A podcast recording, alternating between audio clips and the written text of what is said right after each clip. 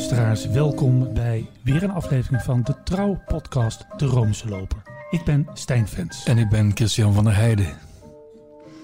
Ja, Ja, waar was jij eigenlijk op eh, 9 november 1989? ik was in het Ahoy Sportpaleis in Rotterdam, waar die avond Paul McCartney optrad. Dat zal ik wel weer niet waar wezen. Ja, het was mijn eerste concert van Paul McCartney. En ik was eh, 23, hij was in 1976 daar al geweest, maar toen was ik 10 jaar en nog geen Beatle-fan. Dat jaar, in 1989, kwam hij vier keer optreden in Ahoy. Alle vier keer uitverkocht. Ik was er twee keer bij. En op datzelfde moment eh gebeurde er een paar honderd kilometer verderop belangwekkende dingen. Ja, zeker ja. Ja, ik eh, had het eigenlijk niet zo door, omdat ik veel te druk bezig was om ehm, de troepen van het Warschau-pact te bestrijden in de, tijdens de Koude Oorlog. Ik eh, had namelijk Hare Majesteits wapenrok aan. Ik was eh, soldaat en ik zat in een IPR. Ik geloof Waar, ergens waar, in, zat je, waar zat je in? in een IPR, dat is een panzervoertuig. Ja. En eh, ik zat geloof ik in Moermelon, in ergens in Noord-Frankrijk bij Reims. En ons voor te bereiden op, eh, op de echte oorlog, op de hete oorlog. Maar die kwam maar niet. En nou, toen gebeurde het. En wat gebeurde? Laten we even naar luisteren. Also Privatreisen nach dem Ausland können ohne Vorliegen von Voraussetzungen, Reiseanlässe und Verwandtschaftsverhältnisse beantragt werden. Die Genehmigung werden kurzfristig erteilt. Das tritt nach meiner Kenntnis ist das sofort. Unverzüglich. Um 22.40 Uhr erklärt das deutsche Fernsehen die Mauer zur Geschichte. Die DDR hat mitgeteilt, dass ihre Grenzen ab sofort für jedermann geöffnet sind. Die Tore in der Mauer stehen weit offen. Nirgends wohnen Ost- und Westdeutsche dichter beieinander als in Berlin. Von dort Robin Lautenbach. Hier in der Invalidenstraße auf der anderen Seite haben die Grenzpolizisten offenbar diese Weisung noch nicht bekommen oder sie haben sie nicht verstanden. Hier werden bis, bis äh, zu diesem Zeitpunkt offenbar die Leute auf der östlichen Seite weiter zurückgeschickt. Sie werden vertröstet auf morgen 8 Uhr. Nach diesen Nachrichten setzt der Sturm erst richtig ein. Die Menschen im Osten trauen den Westmedien und laufen los und die Grenzer lassen sie laufen. Sie hat mich angerufen. Mutti, komme. Ich möchte mit dir über die Bornholmer, die unsere Leidensbrücke, möchte Nou, ich nou. gehen. Nou, nou. Is dat lang geleden? Ja, Dick. Jij doet wel dik voor elkaar naar.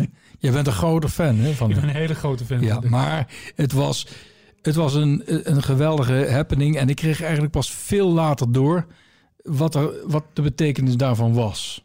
Je- Ja. Ja. Dus eh, ja, die, die, die onvergetelijke momenten tijdens die persconferentie... waar Günther eh, Scharowski, de persvoorlichter van het Centraal Comité van de SED... de Socialistische Einheitspartei Duitsland van de DDR... op een vraag van een Italiaanse journalist antwoordde... nou, het gaat eigenlijk meteen in, meteen. Onverzichtlich, meen ik dat hij zei. Dus direct. De vraag was, wanneer gaat dat decreet... Hè, dat DDR-burgers toestemming hebben om, om op reis te gaan... dus buiten de DDR, wanneer gaat het eigenlijk in? Nou, toen zei hij, ja, voor zover ik weet meteen. Nou, diezelfde avond, ja, toen is de muur gevallen. Want iedereen liep eh, dwars over die grens. Al die vopo's, die wisten niet wat er overkwam. En die denken, nou, laat maar lopen. En prachtig, hè, dat voorbij Checkpoint Charlie, al die West-Berlijners stonden te kijken van... oh, wat, wat, wat, wat. families die herenigd werden. Goed, dit wordt natuurlijk eh, in andere media goed besproken. Het eh, staat ook allemaal in een prachtig boek trouwens van twee vrienden van mij. Dat is- Oh. ja, ik zit, eh, ja, jij bent niet mijn enige vriend, Stijn. Maar ik zit met Mag hen ik in iets zeggen? Jij zit goed in je vrienden. ja, ja, ja. Ik zit met hen in een pubquiz team. En dat is namelijk eh, Jaap Visser en Erik Timmermans. Die hebben een geweldig boek geschreven over Berlijn. Een gids door de hoofdstad van de DDR. De DDR is hot, hè? Kijk maar naar dat geweldige televisieprogramma van de gebroeders van Rossum. Die door Berlijn lopen, Leipzig en Dresden. Dus de DDR, eh, daarvoor neemt de belangstelling toe. En waarom gaan wij het hier ook over hebben? Namelijk, we kennen natuurlijk allemaal de protestbeweging die voortkwam ook uit de kerken. En dan hebben we het over de protestantse kerken. Er is vaak gezegd dat de wende, dat dat een protestantse revolutie was. Maar er wordt eigenlijk maar weinig gesproken over de rol van de katholieken in deze wende. En ik wil het eigenlijk hebben over een figuur die al lang en breed in de BRD zat, toen die muur dus is gevallen. En dat was Joachim Meissner. Kardinaal. Die ken jij. Ja, ja. Sinds eh, kardinaal Joachim Meissner. Hebben Ja. dan over, hè? In 2014 is hij overleden. En hij was aartsbisschop van Keulen, maar daarvoor was hij bisschop van Berlijn. Nou, dat is het moeilijkste bisdom ter wereld. Was het moeilijkste bisdom ter wereld. Want eh, dat omvatte dat bisdom zowel West- als Oost-Berlijn. En alle gebieden die daaromheen hingen. En hij kreeg speciale toestemming van, eh, van de overheid, van de DDR... om ook af en toe de gelovigen buiten de DDR-grenzen op te zoeken. Hij was namelijk ook voorzitter van de Berliner Bischofsconferentie. Dus hij trok regelmatig ook eh, de DDR zelf in. Ja, dat was toch wel iemand die, die probeerde om die katholieke kerk eh, te bevrijden van staatscontrole. Hij weigerde bijvoorbeeld Erich Honecker de hand te schudden. Het was toch wel een, iemand die niet bang was. Hij kende ook Johannes Paulus II of Karl Wojtyła. Die had hem overgeplaatst in 1988 naar Keulen. Ja, toen zei hij, Keulen? Maar ik ben veel te hard nodig hier. En toen zou de paus hebben gezegd, ja, je bent, je in Keulen ben je nodig, want dat communistische systeem kiept. Dat staat op, eh, op instorten. Kiept. Kiept. Ja, dus. Johannes Paulus II, die, die wist natuurlijk veel meer dan wij allemaal wat er zou gaan gebeuren. Ja, hij wordt altijd afgeschilderd als een, een ultraconservatieve prelaat. Maar Nou, het was wel iemand die heeft bijgedragen tot de bevrijding van de kerk in een communistisch bewind. Geboren trouwens in Silesië. Dat ligt in het huidige Polen, maar dat maakte toen deel uit van het eh, Duitse Rijk. In Breslau. En tegenwoordig heet, dat, eh, Wroclaw. Toch? nee, Wrocław. Oh ja. Eh, die L met Wacht het streepje erdoor. Wrocław. Nee, Wrocław. Wrocław. Ja, ja. En niet zoals de Amerikanen zeggen, Rocklaw. ja, daar is je Maar geboren. jij zegt, jij zegt hij was een eh, ultraconservatieve kardinaal. Maar hij, hij, hij zei toch dingen waarvan ehm, Duitsland, eh, waar Duitsland over viel, zal ik maar zeggen. Hè?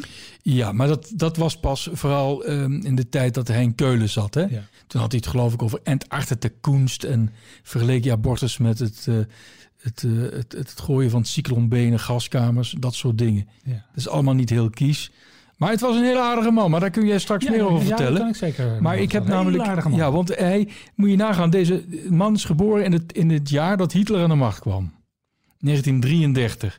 In Breslau. Weet je wie daar trouwens, even een fun fact, ook geboren is in datzelfde jaar, in diezelfde stad? Ken je haar nog? Sylvia de Leur. Oh ja? In datzelfde jaar, ja. Ja. Zij was de dochter van een Duitse danseres. Ja. Ja. en zij was ooit getrouwd met tv-dokter Aart Gieshoff. Oh ja? Ja. Dus zijn huwelijk is volgens mij... Ja, we kennen haar van eh, Pommetje Horlepiep, Ken je dat nog? Ja, pom, pom, pom, pom. Rombertus Horlepiep, zo heet ik officieel. Dat is beter dan Jan Jansen, want zo heten er zoveel. Hoi. Dat heb je dus allemaal gewoon in je kop. Ja, dat wel. Mooi. Ook geboren in Breslau is eh, Dietrich Bonhoeffer en natuurlijk Edith Stein. Maar dat ligt diep in Polen, in, eh, in Silesië. En eh, in 1945 is zijn familie op de vlucht geslagen voor het Rode Leger. En toen kwamen ze terecht eh, in de buurt van Erfurt. Hij is in 1962 priester gewijd voor Erfurt, wat dan ook in de Russische sector lag, later de DDR. En in 1975 werd hij van zijn thuisbisdom Erfurt-Meiningen hulpbisschop. En dat is jong, hè? Was hij 42? Juist, ja. Op eh, 22 april 1980 wordt hij benoemd dus tot bisschop van het moeilijkste bisdom ter wereld, Berlijn. En op 20 december wordt hij dus overgeplaatst naar Keulen. In 1988 Dus, ja, van 1988. En maar dat, dat, ging, is... niet- dat ging niet vanzelf, hè? Nee, maar, dat- maar eigenlijk eh, brak Johannes Paulus II toen in op een regeling die al getroffen was in 1929, namelijk eh, het concordaat met Pruisen. De Heilige Stoel had in 1929, architect was Eugenio Pacelli, De latere Een- paus Pius XII. een concordaat gesloten met de Vrijstaat Pruisen. Dat was een groot rijk. Eh, daar hoorde Keulen ook bij. En al die regelingen die zijn eigenlijk overgedragen naar al die grote wendingen in de geschiedenis. En bij bisschopsbenoemingen bestaat ook in Keulen dus de volgende procedure. Het kapittel, het metropolitane kapittel en de, eh, de buurtbisschop... die hebben het recht om een zogeheten terna in te dienen. Dus een, een lijst met eh, drie geschikte kandidaten voor het bisschopsambt. Een voordracht. Juist. Ja. Dat gaat naar Rome. En dan kiest de paus. eh, die maakt ook een terna. Hij kan zich daarbij beroepen op de terna's die hij dus ontvangen heeft. Die stuurt hij terug naar het metropolitaan kapittel. En het is het kapittel die de bisschop kiest. En de paus kan dat dan bekrachtigen. Nou, dat is hier niet gebeurd. Dus eh, Keulen kreeg een ossie in de maag gesplitst. Dan moet je nagaan. Dus, dus voor, de, ja, voor de wende is hij dus naar Keulen gegaan. En toen nam een andere eh, eh, bisschop het over. En dat was Georg Sterzinski. En die is gewijd op 9 september 1989. Dus twee maanden voor, het val, voor de val van de muur. Op dat moment was hij niet in Berlijn, maar in Rome. En daar zegt hij het volgende over. Am 9. November 89 waren wir auf vieles gefasst. Wir diskutierten, wie wir als Kirche Stellung beziehen zu den Unruhen in der DDR und Ostberlin, zu den Erwartungen in Westberlin. Ich war als noch nicht lange amtierender Bischof von Berlin unterwegs nach Rom, um mich beim Papst vorzustellen. Als wir am Abend dort ankamen, wurden wir von den Quartiergebern empfangen und auf die Frage, was ist jetzt in Berlin passiert, alles ganz normal. Was heißt hier alles normal? Die Leute gehen rüber und rüber. Was heißt rüber und rüber? Das ist doch nicht normal. Wir haben es uns im Fernsehen angesehen, im Italienischen, hatten Mühe, was zu verstehen. Ja, tatsächlich. Also die Mauer war gestürmt. Als ich am nächsten Morgen zum Papst kam, empfing er mich mit offenen Armen. Was macht ihr in Berlin? Ich sage, ich weiß es auch nicht. Ich bin dann aber am Nachmittag sofort wieder nach Berlin zurückgeflogen und habe mich überzeugt, was hier passiert war. Wir hatten mit allem gerechnet, nur nicht damit, dass es möglich sein würde, die Grenze zu passieren. Es war ja auch so leicht nicht möglich bei dem Ansturm, der von Ost nach West kam. Also das war der 9. und dann der 10. November 89. Sterzinski, die is ook kardinaal geworden. Ik heb een keer tijdens een consistorie die twee, Meissner en Sterzinski, eh, met een telelens gefotografeerd. Weet je dat nog, Stijn? Ik had pas dat, eh, dat ding en ik liep daar rond met dat, met dat enorme gevaarte. Toen kwamen ze net uit die, uit die synodezaal en dan zie je mooi de druppeltjes op hun bril. Want het was een beetje het motregenen. Ja, Ja, en je had een hele lange lens, weet ik nog. ja. Ja, nee, dat weet ik. Dat is, maar was dan dat, nou die keer dat jij ook een beetje ziek werd in de Sint-Pieter? Was dat toen? Oh, god. Ja, dat was, nee, dat was tijdens eh, de kardinaalscreatie van de aartsbisschop Eijk. Ja. Ja. Ik, nou, mag ik Oh, ik- ja, jawel, het was ja. verschrikkelijk, ja. Wij stonden samen eh, bij een van die pilaren, de, de pilaren van de, do, van de, de, de, de koepel van, van de Sint-Pieter, samen met ander journalistenvolk. En jij was al niet lekker en opeens...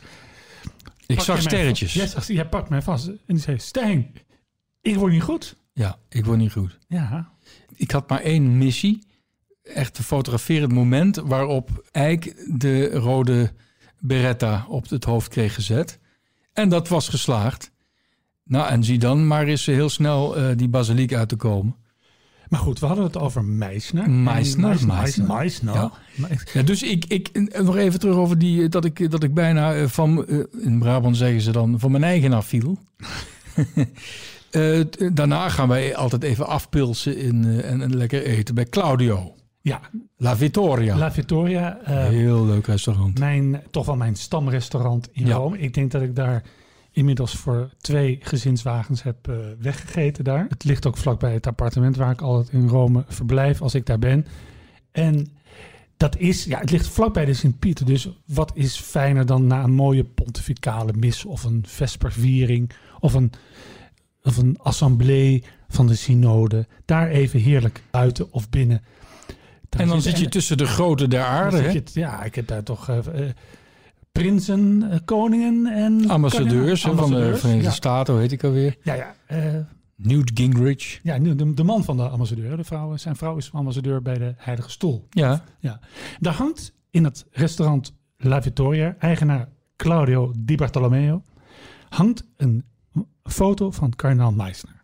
Volgens mij was hij toen nog bisschop van Berlijn. Want hij heeft een paas solideo. En wat is nou? Hij kwam daar altijd eten.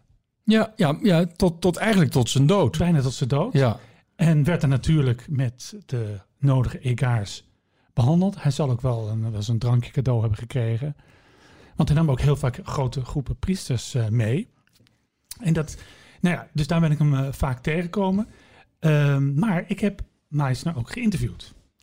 En dat was aan de vooravond van de Wereldjongerendagen in Keulen in 2005. Eh, Keulen is redelijk dichtbij in Nederland, dus de KRO RKK had groot uitgepakt. Was jij daar ook? natuurlijk. Ja, wij zaten in het Ibis Hotel, kan je Ja, me herinneren. ja. Ik weet nog toen, eh, toen Ro- Roger Schutz is, eh, is doodgeschoten door die krankzinnige vrouw, weet je nog? ja. ja. Ja. Was- Niet was- daar, maar dat nieuws hoorde ik in dat Ibis Hotel. En ik weet nog wel dat wij een keer op een terras zaten daar. En met, met, met, vijf, met vier andere collega's. En de bestelling was vijf cola light en één spa rood. Hm. Nou, na verloop van tijd komt die ober terug met op zijn dienblad vijf cola light en één spa rood. En die vraagt, voor wie is de cola? Ja, leuk. leuk. Goed. Aan de vooravond van de Wereldjongerendagen ben ik met een kamerploeg eh, Keulen ingegaan. En toen kwamen we gewoon vlak bij de Dom Meisner tegen. En eh, ik weet nog, het was, eigenlijk een hele vriendelijke man. En ik, ik weet dat ik hem vroeg wat, wat voor een boodschap heeft, eh, wat, wat voor boodschap heeft voor de Nederlandse jongeren die hier, die hier komen. En zeiden ja, dat ze Christus mogen ontmoeten. Maar het was natuurlijk zijn, vergeet niet hè, het was de eerste buitenlandse reis van de toen nieuwe paus Benedictus XVI. Die was in april daarvoor gekozen. Die zou teruggaan naar zijn vaderland. Dus ja, en hij, Meester, moest zorgen dat dat eerste bezoek van Benedictus goed zou verlopen. Dus hij, hij- ja, maar hij bleek niet gebukt te gaan onder die, eh, onder die verantwoordelijkheid. En dat, dat bezoek, weet nog, is redelijk goed eh, verlopen. Ja, Eh Meissner was natuurlijk toch een Ratzingerman, een Benedictus XVI kardinaal. In de zin dat hij toch erg dol was op de Duitse paus. Zijn agenda, zijn, zijn, zijn morele agenda ook, deelde zijn plannen voor de kerk. Dat veranderde een beetje toen paus Franciscus aantrad. Benedictus heeft hem eigenlijk, je moet als je 75 bent, ben je verplicht als residerend bisschop om je ontslag in te dienen. Eh, dat heeft hij gedaan, maar Jan eh, Benedictus heeft hem nog een aantal jaren laten zitten. Hij is uiteindelijk pas in 2014 afgetreden. ja. Het was hij Toen 80. was hij 80. Daarna is hij zich veel- steeds kritischer gaan uiten over Paus Franciscus. Meissner was een van de Dubia-kardinalen. Dat waren vier kardinalen. Burke, Brandmuller, Caffarra en Meissner. Die toch grote moeite hadden met de resultaten van de tweede gezinssynode in 2015. U weet het misschien nog wel, luisteraars, waar het ging over de communie aan hertrouwd gescheidenen. Met de beroemde voetnoot. Dat ruimte zou zijn om, eh, voor, voor, voor die hertrouwd gescheidenen om eh, de communie te kunnen gaan. Althans, dat vonden mensen die dat graag wilden. Maar er waren heel, toch ook een veel bisschoppen en deze vier kardinalen. Die vonden dat er onduidelijkheid was. En er moest geen onduidelijkheid zijn. Dus hebben die vier Dubia-kardinalen aan Paus Franciscus om opheldering gevraagd. En eh, de vragen werden zo gesteld dat de paus alleen maar kon antwoorden met ziek of non. Ja of nee. Ja. En een van die vragen was: Klopt het dat u afwijkt van de lijn van uw voorgangers? Nou ja, je zult daar maar op eh, moeten antwoorden. Maar dat heeft hij dus niet gedaan. Hij heeft nooit geantwoord, hè? Nooit. Vind Nee. ik eigenlijk wel raar. Ik vind het eigenlijk een beetje onbeschoft. Ja. Maar ja, goed. Dus die Meissner... die Of, en dan zeggen anderen weer ja, maar de fariseeën, toen die Jezus het vuur nou, aan de schenen legde, antwoorden ook niet. Hè? Die zweeg. nou ja, dus wat, het heilige zwijgen. wat die paus doet, is dat hij dan anderen laat antwoorden eigenlijk. Hè? Ja. Dus eh, bisschoppenconferentie van Argentinië, Schönborn. Vooral Schönborn. Vooral Schönborn, Ja. de aartsbisschop van Wenen. Ja. Ehm, en eh, nou, dus die arme Meisner, zou ik bijna willen zeggen, die is zijn kist ingegaan, zijn graf ingegaan, zonder dat hij antwoord heeft Ja, gekregen. ik denk niet dat hij daar Vader. heel erg onder geleden heeft hoor. Maar, maar het, het, kijk, het, is een, een figuur, het was een echte Ossie. Dus geboren in Silesië. En eh, bisschop in de DDR. Die aan de lijve heeft ondervonden wat eh, repressie betekent. Die niet bang was. Moedig eh, tegen eh, alle, alle overheidsbemoeienissen inging. De druk van de Stasi heeft weerstaan. En, ja, de, en, en, en het katholicisme in, als een zuiverheid wilde, wilde uitdragen. Het is een echte enclave katholiek. Hij was dus christen in een, in een land dat het atheïsme als staatsfilosofie had. En binnen het, eh, de, de christelijke populatie eh, was hij leider van de, de katholieke minderheid. Nou, en, en dan wordt hij overgeplaatst naar het rijke, gezapige Keulen. Verwend, het verwende kapitalistische Keulen. Een van de rijkste bisdommen van Europa. Onvoorstelbaar rijk. En daar komt hij aan. In zijn, nou, nog net niet in zijn trabant. Maar eh, hij had wel een beetje de, de, de, de soberheid. De, een- ik wil niet zeggen trabante mentaliteit. Maar hij had wel de onverschrokkenheid van een, ja, van een, van een profeet. Luisteraars, ik heb de indruk dat mijn co-presentator enige sympathie heeft voor Kardinaal Meisner. Ja, dat heb ik, ja. Ja, ja jij niet dan? Nou, je, net zei je nog dat, je, dat het een aardige man Ja, was. maar dan kunnen aardige mensen kunnen ook hele vreselijke dingen zeggen. Ja, maar beter vreselijke dingen zeggen dan vreselijke dingen doen.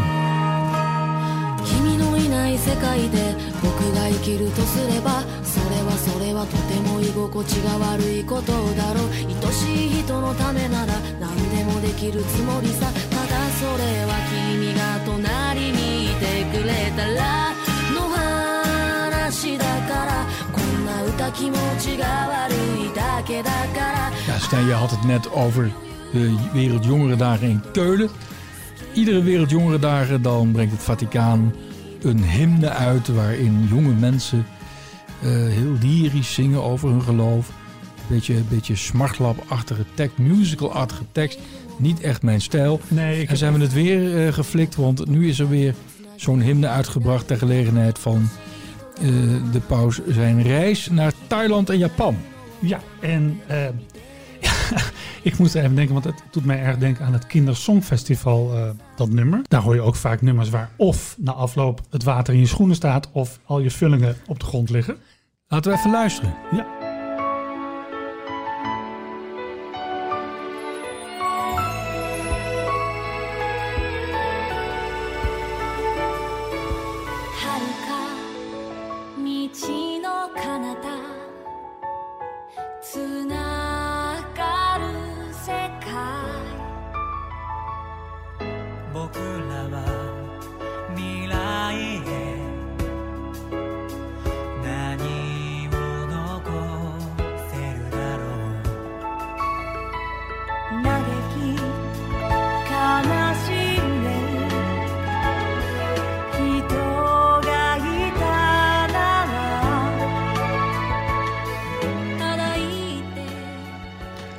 zou nu heel graag zeggen welke Japanse zangers en zangeressen hier te horen zijn, maar ik heb eigenlijk geen idee. Er is een filmpje op YouTube te zien van dit nummer, dat zullen we op de site er ook bij zetten. Het, eh, het thema van dat pausbezoek aan Japan is Protect All Life. Mhm. Nou, het is een mooie tekst met de paden van je leven. En dat je uiteindelijk toch uiteindelijk natuurlijk bij de ander uitkomt, bij God. eh, en dat het gaat over wonderen. En je ziet dan ondertussen prachtige loofbossen met, met scherp licht er doorheen. Prachtig. Mhm. Ehm, maar mijn kopje thee is het niet. Van muziekstijl. Nee. Nou, Protect All Life, daar heb ik eh, helemaal niets tegen. Nee, dat kan ook. Dat kan je, nou, het zijn vaak. Maar ook vaak- live eh, bedoelen ze dan alleen menselijk leven of ook het leven van neushoorns? Ik hoop dat het ook over de neushoorns gaat. Want weet je, dat is wel n- nodig. Ik zeg nou neushoorns, in, Ja. Want er hoeft maar één eh Thaise guru te zeggen... eh neushoorn is goed voor de potentie. Ja. En de jacht op de neushoorns in Afrika is weer geopend. Ja. Ja, Nou ja, ik, ik Ik begreep dat dit trouwens vooral eh, een Japanse aangelegenheid Ja, hij blijft Is- maar heel kort hè, in, in Thailand. Ja, nou ja. de- Hij gaat daar wel naar de nieuwe koning toe. ja. Misschien dat hij nog wat wijze woorden voor hem heeft. Want, Ja. Maar daar mogen wij niks over zeggen, hè, over die Thaise koning.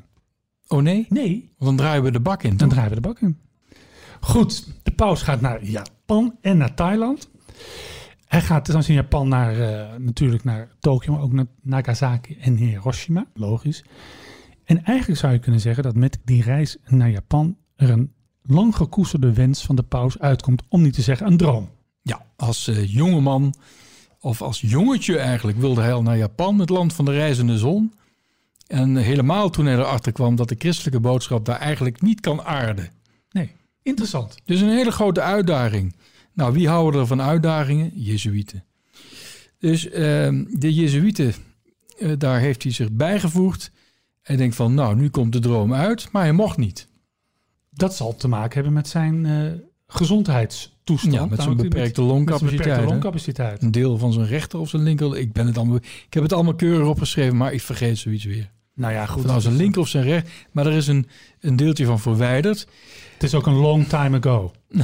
Hij is trouwens daarna nog heel veel... Ja, ik snap hem, eh, dank je. Nou ja, hij heeft dus die lang gekoesterde droom. Ja, ja, ja. ja. Als kind al, hè? ja. Als Dat kind eh, al. heb ik net En dat, gezegd. en dat weten we door onder meer het boek El Jesuita van Sergio Rubin. Ja. Eh, dat is een goed boek. Ja, daar staat eigenlijk alles, alles in wat we over hem zo graag willen weten. Over of, of hij verliefd is geweest, of dat hij van de tango houdt. Eh, beide eh, vragen kun je zeggen ja. Hè? Of hij van lekker eten houdt, ja. Hij houdt van zijn oma. Eh, dat staat er allemaal in. Dus dat was, een, dat was zo fijn. Want toen hij pas gekozen werd, toen waren wij ook in Rome. Ja, toen was dat het, het, het eh, manuscript was het, het Spaanse manuscript was op internet verkrijgbaar.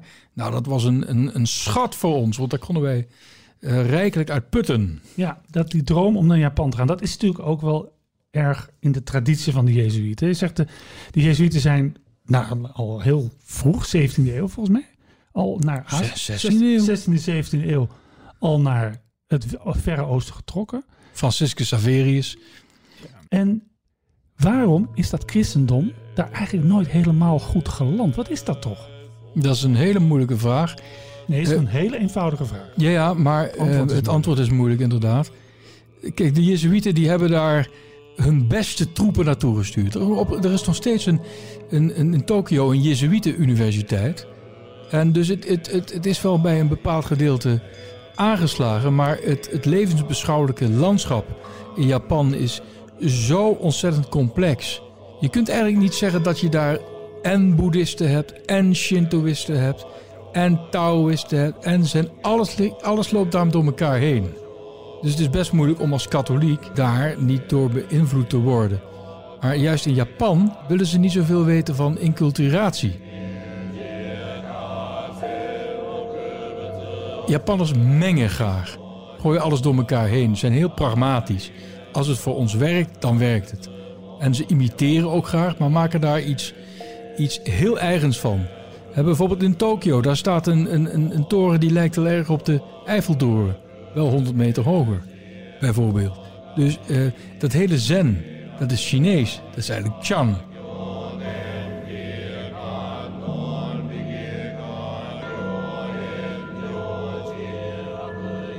De katholieken hebben daar een lange geschiedenis. Het is eeuwenlang verboden geweest dat daar geestelijke hè, priesters eh, waren. Degenen die er wel waren, werden allemaal gekruisigd. En eh, dat hebben ze dus eeuwenlang volgehouden, zonder priesters. De eerste missionaris die in de 19e eeuw voet aan wal zetten in Japan, toen het weer mocht, die tot zijn grote verbazing trof hij daar een katholieke gemeenschap aan. eh, die nog het Ave Maria, zo in het Latijn. En die dus eeuwenlang verstoken waren gebleven van de sacramenten. Dat is toch heel bijzonder. Ja, dat is waanzinnig. En nu gaat de paus erheen, de droom komt uit. Laat nog even voor, om dit Japanse blokje in onze podcast af te ronden, nog even luisteren naar een mooi fragment uit dat schitterende lied Protect All Life.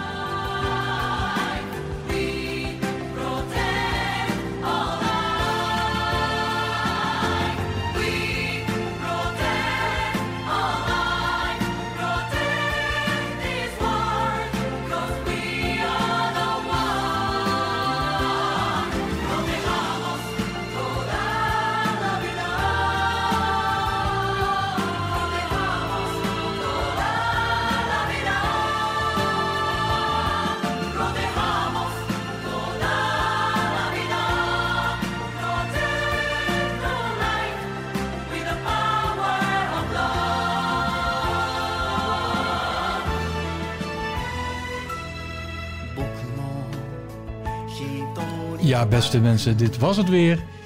Eh, wij gaan er weer uit, maar niet zonder uw gebed te hebben gevraagd voor Annie Heuts. Annie Heuts? Ja, beter bekend als Zwarte Lola. Zij is onlangs overleden op 90-jarige leeftijd. Zwarte Lola, ze was een beroemde striptease-danseres. En u vraagt zich af, wat doet dat in de Roomse loper? We hebben het al eerder gezegd, wij zijn ook een kleine eh, showbiz-podcast. En wij vinden dat mensen die zoveel hebben betekend voor zoveel mensen ons gebed hard nodig hebben. Geboren in Maastricht, dus ze zal wel katholiek geweest zijn. Ze zegt trouwens, heeft altijd gezegd dat ze wordt gedineerd heeft met Dwight Eisenhower. Oh? Ja. Wel met kleren aan. dat vertelt het verhaal niet. Ja. ja. Ik ben Lola. Dat was haar uh, beroemdste hit. Dus uh, mogen zij rusten in vrede. En mogen de engelen haar geleiden naar het paradijs. Amen.